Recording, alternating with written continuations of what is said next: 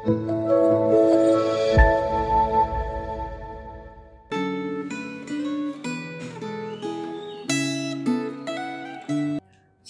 saudara, hari ini kita melihat Mazmur 63. Saudara, di dalam ayat yang keempat dan lima, Daud berkata, Sebab kasih setiamu lebih baik daripada hidup, bibirku akan memegahkan engkau. Demikianlah aku mau memuji engkau seumur hidupku dan menaikkan tanganku demi namamu. Sebab kasih setiamu lebih baik daripada hidup Saudara, di dalam keadaan hidup yang seperti apa, kita menyadari bahwa kasih setia Tuhan atau belas kasihan Tuhan itu lebih baik dari hidup kita sendiri, saudara. Ketika kita makan makanan yang enak bersama dengan orang yang kita kasihi, ketika kita melihat pemandangan alam yang luar biasa seperti pantai-pantai yang ada di Sulawesi, kebetulan saya ada di Makassar, saudara, atau pantai-pantai atau uh, pemandangan yang ada di Raja Ampat?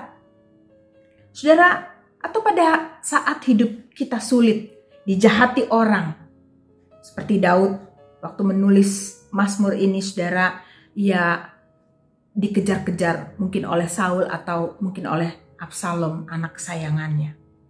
Saudara justru saat di padang gurun Daud menulis Mazmur ini. Ya Allah, Engkaulah Allahku. Aku mencari Engkau. Jiwaku haus kepadamu. Tubuhku rindu kepadamu. Seperti tanah yang kering dan tandus tiada berair. Itu di ayat 1, saudara. Saudara Daud justru haus pada Allah saat dia mengalami ketakutan bayang-bayang pembunuh. Kita mungkin kalau kita di dalam posisi Daud, saudara, kita mungkin akan fokus pada bagaimana cara menyelesaikan masalah ini. Mengapa ini terjadi? Siapa biang kerok atau kambing hitam dari semua kekacauan ini? Tapi justru Daud haus dan mencari Tuhan. Ya fokus pada Tuhan. Dia bukan fokus pada masalah. Tidak kurang 10 kali tindakan aktif Daud kepada Tuhan yang ia tunjukkan.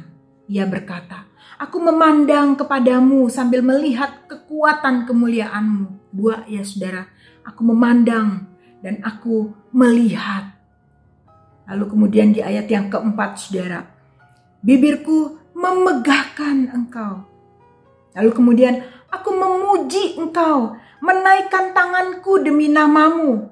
Ayat yang kelima. Mulutku memuji-muji Tuhan. Ayat yang keenam. Aku ingat padamu di, tempat tidurku. Aku merenungkan engkau semalaman. Ayat yang ketujuh. Aku bersorak-sorai ayat 8. Jiwaku melekat padamu ayat 9. Ada 10 tindakan aktif Daud kepada Tuhan. Saudara-saudara, Daud bukannya justru memandang tentaranya. Ya memandang Tuhan saudara, ya bukan memandang tentaranya sambil melihat kekuatan dan keterampilannya menyelesaikan masalah. Dia tidak berkata bibirku mengutuk mereka yang jahat padaku, menghujat, menaikkan tanganku, memukul orang-orang jahat tersebut. Atau mulutku memaki-maki orang di sekitarku atau aku ingat pada ancaman mereka di tempat tidurku dan merenungkan perkataan orang yang memberi laporan tentang musuhku. Atau aku bersungut-sungut, jiwaku melekat pada masalahku. Tapi saudara, justru Daud melekat pada Tuhan. Kita tahu saudara bahwa tidak ada masalah yang terlalu kecil yang Tuhan remehkan. Dan tidak ada masalah yang terlalu besar yang Tuhan tidak sanggup selesaikan. Tapi masalahnya adalah dua hal, saudara. Yang pertama, di mana Tuhan kita tempatkan ketika kita ada di dalam masalah.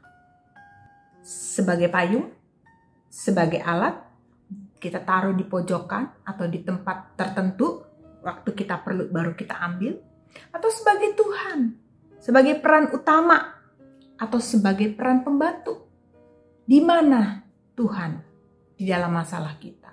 Yang kedua, saudara, jadi orang seperti apa kita selama masalah itu berlangsung?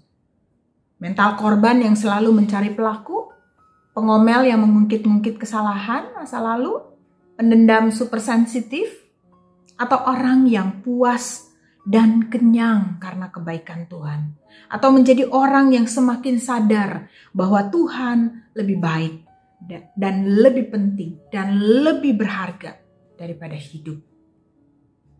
Mari kita berdoa. Tuhan,